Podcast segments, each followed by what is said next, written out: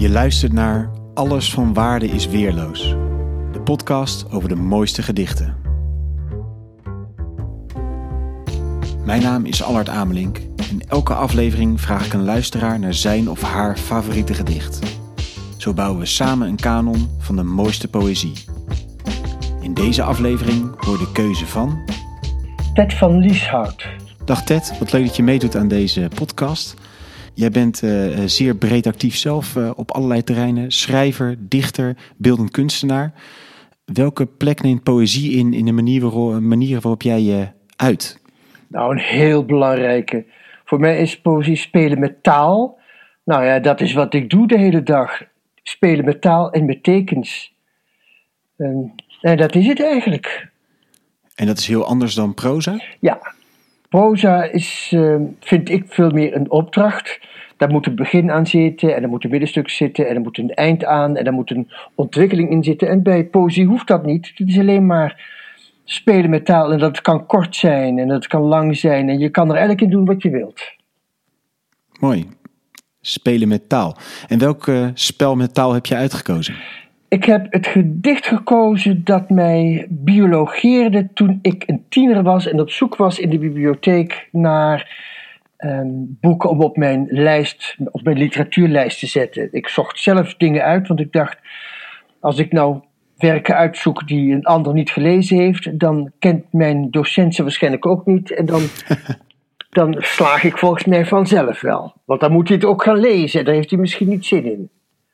Dus ik, ging op zoek naar, naar op, opmerkelijke gedichten. Vooral gedichten omdat die lekker kort waren natuurlijk. Want dat had ik dan wel gemeen met medeleerlingen.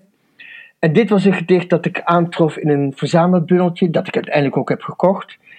Als een inleiding. Het was een, een verzamelbundel die heet Voorbij de laatste stad.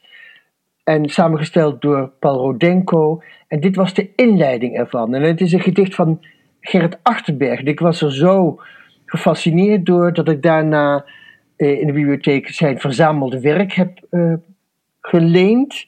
En dat was een boek van, nou weet ik veel, 800 bladzijden of zo. En dat heb ik helemaal doorgelezen. En ik was flabbergasted, want er stond niet één gedicht in dat ik begreep. En dit gedicht heeft ertoe bijgedragen, want dit gedicht begrijp ik ook helemaal niet. Ik heb natuurlijk wel geprobeerd om het te begrijpen, maar ik dacht, eigenlijk is het wel goed zo.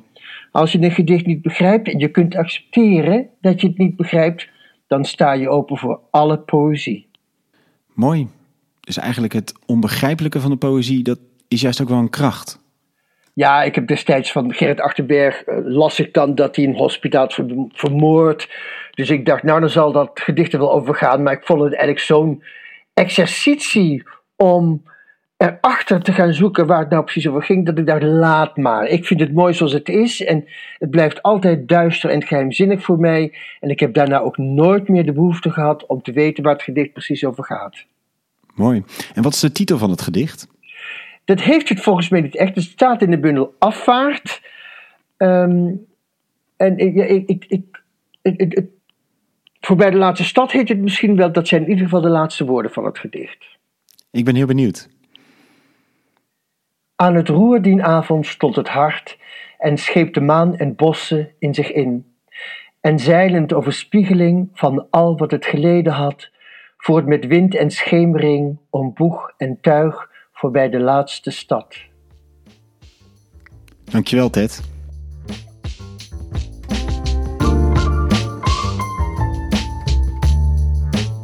Dank voor het luisteren naar Alles van Waarde is Weerloos. Wil je zelf een gedicht delen? Stuur me dan een bericht op Twitter, isweerloos, of op Instagram, alles van waarde is weerloos.